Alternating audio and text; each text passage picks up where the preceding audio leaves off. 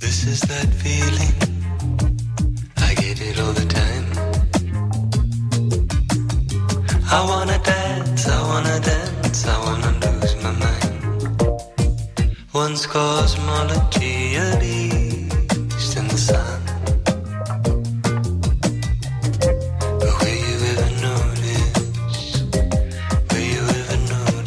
La felicidad se aprende y ese sería el primer oficio que tendríamos que aprender de niños, como también se ha de aprender a convivir con los contratiempos que nos manda el destino y que la primera lección de todas consiste en aligerar el alma para poder flotar sobre la vida.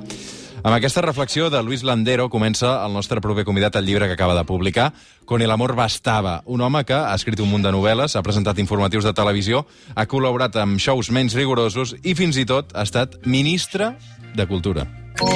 Nadie conoce el secreto de la alegría. Sucede. Esa mezcla de despreocupación, de suerte y ausencia de dolor. Un accidente.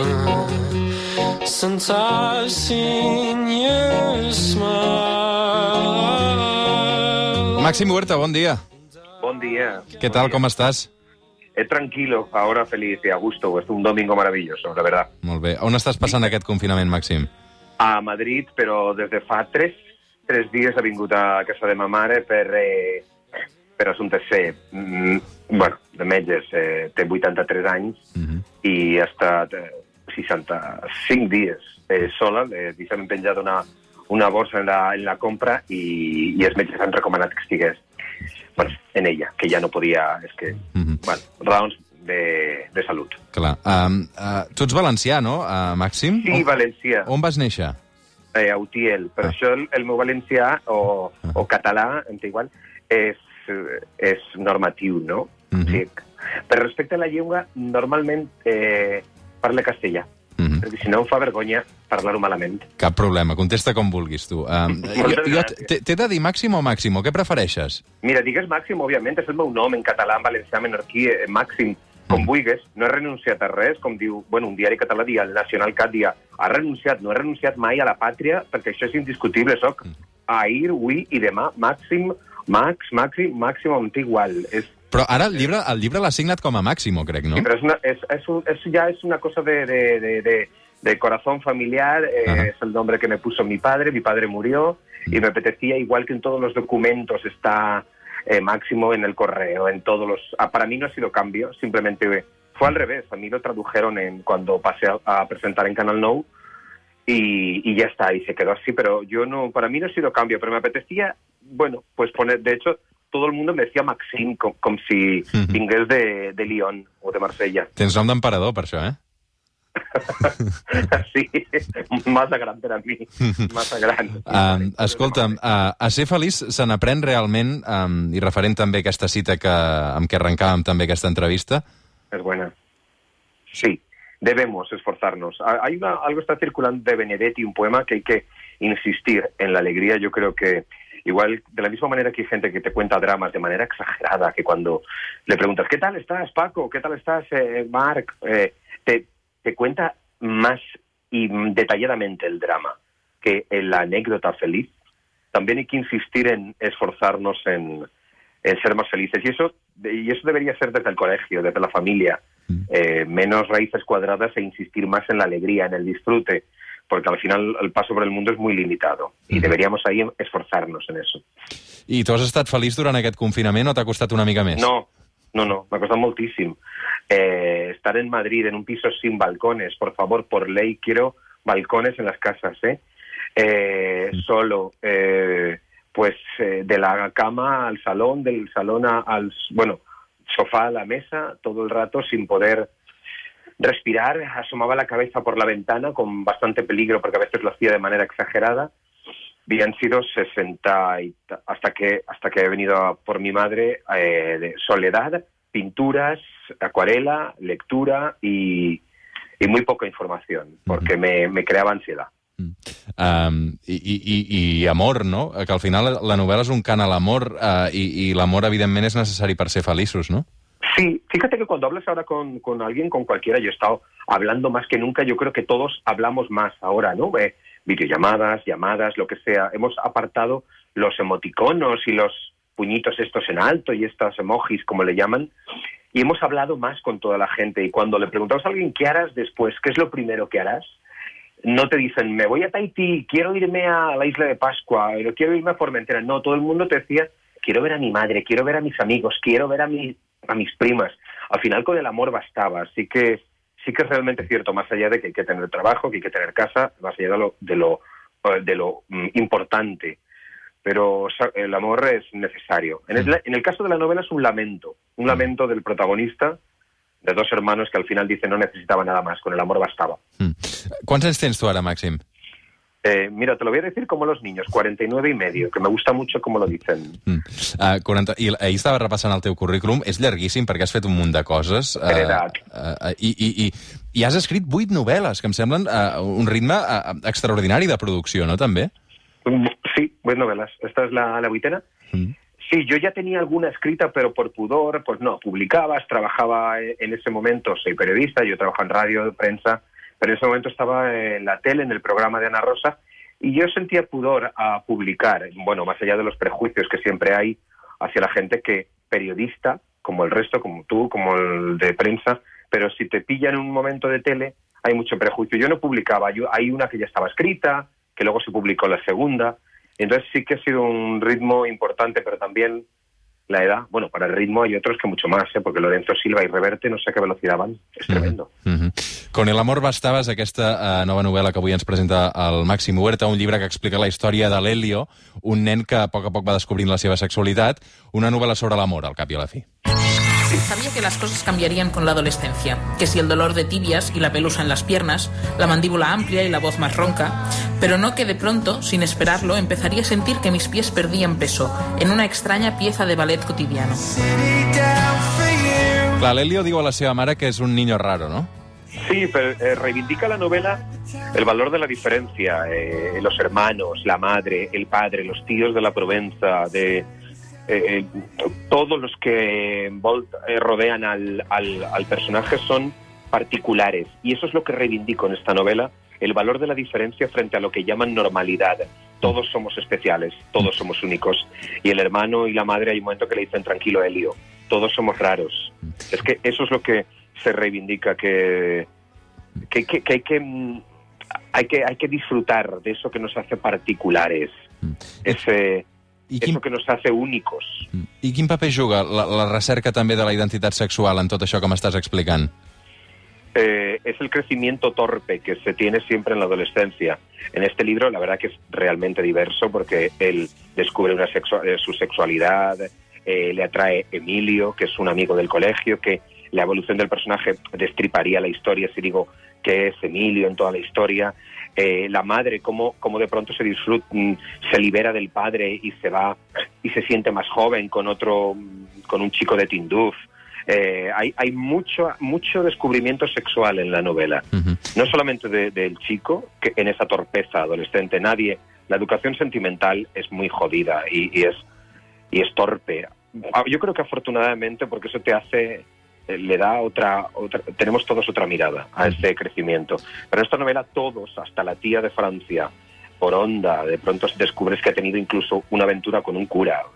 A mi me gusta mucho todo lo que toda la trastienda d'esta novel·la me gusta mucho. Mm. A, a tu uh, va ser complicat també la recerca d'aquesta identitat sexual? Ho vas passar malament durant aquesta infantesa? Ni, eh, ni, ni me'n recordo, ya. Eh, no hay rencor, de hecho. No, no recuerdo. El, no es un reflejo biográfico la novela, ni, ni, mucho menos. No hay. Lo único que le, ha, le, he aportado el personaje mío es seguramente que a mí me gusta pintar acuarelas y decidí regalárselo también, que el protagonista pintara. Pero en mi caso no, no hay un recuerdo, no, no recuerdo ni siquiera el primer momento, ni recuerdo un beso. Eh, no sé si es por el tiempo o porque no, o porque no tuvo buen sabor. Saber. Però m'estàs dient que no, no recordes el primer petó? Mm, no, no. Caray. No, no. Eh, de verdad, ¿eh? Fíjate. Tampoco eres tan mayor, ¿eh?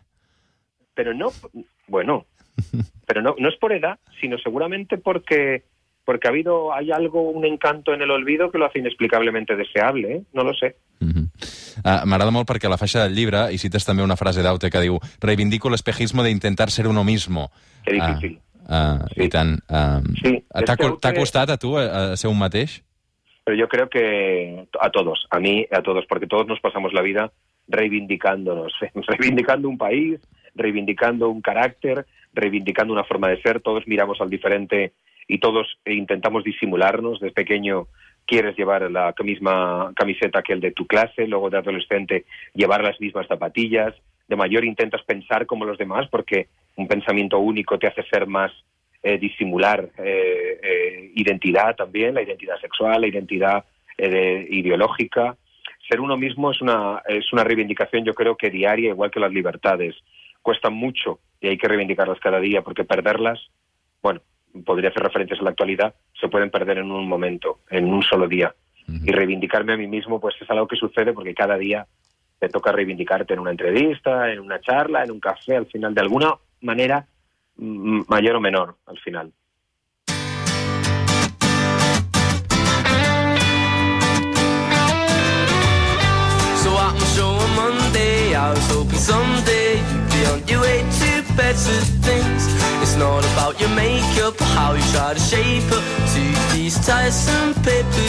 Som al suplement, som a Catalunya Ràdio, estem xerrant amb el Màxim Huerta, eh, escriptor, ha publicat, eh, en aquest cas, aquesta novel·la que, que estem presentant. Eh, Màxim, Uh, suposo que has aprofitat aquest confinament uh, també per escriure. Uh, aquest Con el amor bastava ja el tenies escrit d'abans. Um, sí. Però crec que a, a nivell laboral uh, hi ha hagut merder perquè um, estaves presentant un programa de televisió espanyola, no? sí, un gran merder. Eh, sí, eh, estaba en un programa, de pronto eh, bueno, se decidió que, a pesar de que era un programa informatiu amb la Gemma Nierga, en l'Olga Biza, en gent molt gran que estava treballant, mm. que era, bueno, oxigen a la televisió i més a una televisió espanyola que necessita o, o està necessitada de programes almenys contemporanis, o sigui, que semblen d'avui. I, però eh, el nou director o, o la directora van decidir que era millor fer avanços. Jo trobo que, eh, que és necessari, clar. Eh, estaven eh, ansiosos de saber què, què estava passant al món, tenien tots moltes preguntes, no hi havia respostes i els informatius han sigut o han estat més necessaris a, a, a l'hora de mm, alimentar-nos també informativament. Però ja a la segona setmana ja era eh, tòxic. Uh -huh. Y ahí ya es cuando yo ya empecé a pensar, algo está pasando, aquí va a cambiar algo raro. Y de pronto ya a los 60, no, a los 55 días sí que me llamaron y me dijeron que prescindían del programa, que lo cerraban con yo no, no, no estoy compungido ni, ni ningún titular de esos que han salido, simplemente dolido por un montón de familias que han estado eh, con un ERTE esperando a, a, volver. Un ERTE significa que vas a volver, no que de pronto en medio de una alarma de un país eh, en una pandemia decides cambiar la programación. Yo dije en una frase, no me parece elegante, sigo pensando lo mismo, que en medio de una pandemia, en medio de una alerta, cambiar la programación y que más de treinta y tantas familias que están tranquilas en casa dentro del dolor, de, de, la ansiedad de una pandemia, pensando que tu trabajo sigue encima, que tienes un ERTE y que volverás y que al final lo que pasa es que te vas al paro, creo que no ha sido muy fino el momento. Uh -huh. Se puede disimular volviendo un mes y diciendo que en verano ya no continúas o eso. Pero bueno, yo, donde hay patrón no manda marinero, y este refrán no sé cómo se dice en catalán, pero me gustaría saberlo. uh, clar, i t'han acomiadat per videoconferència, per tant, entenc, eh? A tu sembla bé? Es como, es como que te deje un novio por, por WhatsApp. No sé, es como... Pero bueno, las, la tecnología está para todo. Ahora, para hablar y también para que te despidan, sí. Mm -hmm. Escolta'm, uh, Màxim, recordes que va passar el 7 de juny del 2008? 2018? Al FED sí, sí, sí, lo recordaré. Es un día de, de ilusión, de mucha levadura, de mucha responsabilidad, de muchos nervios i de muchas ganas. És el dia en què el Màxim Huerta va jurar el càrrec de, de ministre de Cultura sí. um, i al cap de sis dies et vas despertar amb un titular que posava Màxim Huerta usó una empresa para defraudar a Hacienda uh, 2000, uh, 250.000 euros. Sí, luego todos eh, lo corrigieron y dijeron que no era fraude, que era una sanción administrativa, una, ¿hoy? Que era una sanción administrativa, pero bueno, en titular en grande quedaba muy bien. Era una sanción administrativa pagada, pagada hace muchísimos años, pero en titulares molaba, por supongo, por el exotismo de que eh, de quién era yo, que era en, mm, diferente en, eh, a, los demás ministros. Después el doble rasero se vio que no se utilizó para, para el resto. Y yo, como soy muy quirúrgico, cuando he tenido dudas eh, de algún político, siempre he exigido algo que yo a los pocos días hice, dije, oye, pues ya está. Sin embargo, los prejuicios no empezaron ese día, empezaron el primer día con esa teoría del doble rasero temporal, que- que es por venir de, de la tele, solo se destacaba que habías hecho, hecho tele más allá del currículum con el que tú has empezado. Pero bueno, Però tu en el moment, en el moment d'acceptar el càrrec de, de ministre no vas pensar que uh, això podria ser utilitzat en contra teu, aquesta uh, sanció administrativa? No. Evidentemente, como ciudadano y un país democrático, cuando alguien ha tenido una sanción y la ha pagado, está eh, totalmente, si no, estaríamos en contra de, de la evolución democrática de un país, obviamente. Y, y- y- vamos, la prueba es que mm, Pedro Duque pagó la, y, y otros nombres lo corrigieron en el tiempo y ya no hubo ni sangría periodística ni nada, no ya no molaba, seguramente no daba tanto clic. Tu creus, que, tu creus que tu et tenien més ganes per venir d'on venies, per haver participat Sí, dels clar. programes que havies participat, per haver treballat amb Ana Rosa Quintana? Ya veus. Eh, sí, sí, pero nadie recordaba que habías escrito novelas, que había libros, que habías hecho teatro, que da- eso daba igual, porque en el titular molaba, molaba muchísimo más, era mucho más atractivo, todo lo demás. Además era un periodo muy ilusionante en ese momento en el que se tumba un gobierno del Partido Popular, eh, que, eh, que era todo eh, ruido, eh, que, era, que era un momento ya eh, es incapaz uno de volver a ese momento, pero fue un gran momento de ilusión, ese, ese, esa moción de censura. Uh, mantens relació amb Pedro Sánchez? ¿Eh? Mantens relació ara mateix amb Pedro Sánchez o no? No, no, no, es que yo no, no, no ni, ni tengo ahora ni he tenido antes tampoco, o sea, no. Però et va fitxar ell, no? Sí, claro. Uh, uh, et puc preguntar si el vas tornar a votar a les últimes eleccions? A- al, al PSOE. Sí. Sí, sí, claro. Um, Que No me parece nada eh, de- decir el voto si como la gente dice, "Ah, es secreto, es secreto. Bueno, pues es que eh, en otros países no, no, no hay ninguna mirada rara, pero sí, volví a votar, claro, tranquilamente. En el ayuntamiento no, en el ayuntamiento voté a Manuela Carmena. um, em va encantar, uh, vaig veure la gala dels Goya sencera i em va encantar aquest moment. No se preocupen, que ya saben que yo soy breve.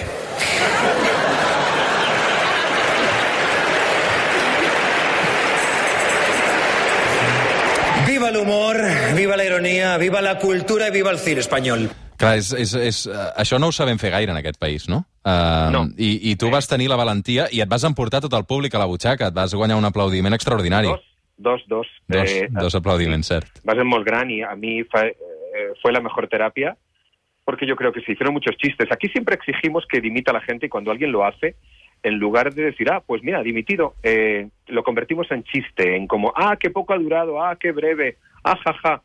Cuando estamos mm, como periodistas siempre exigiendo que dimitan a la mínima de...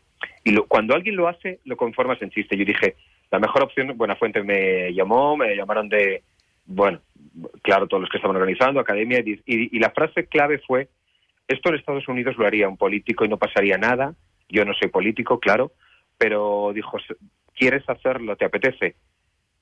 Eh, me lo pensé, le respondí a Buenafuente que sí, me parecía que era sanísimo, eh, y- porque evidenciabas dos cosas, que ante, ante la ironía es bueno también tú tenerla, eh, que te tomas la vida de otra manera, y también que había sido pues un momento también para mí eh, difícil pero también ilusionante y lo hice eso sí el guion me lo inventé yo eh, en el momento mm, porque necesitaba eh, al menos ese momento complicado difícil salir a escena después de tanto ruido sentir lo mío I que fos teu, exactament, eh, perquè també, eh, com ara explicaves, devia ser terapèutic viure un moment així per tu. Escolta'm, també et dic una cosa, eh, alerta... Que más- soc el ministre de Cultura que más va a recordar este país. Ah, I tant, i tant. Uh, I et dic una cosa, sort que no ho ets ara perquè de la que t'estalvies, uh, Bueno. eh, Màxim, perquè a mi no, No, m'agradaria no estar, pienso. estar gestionant la que està caient.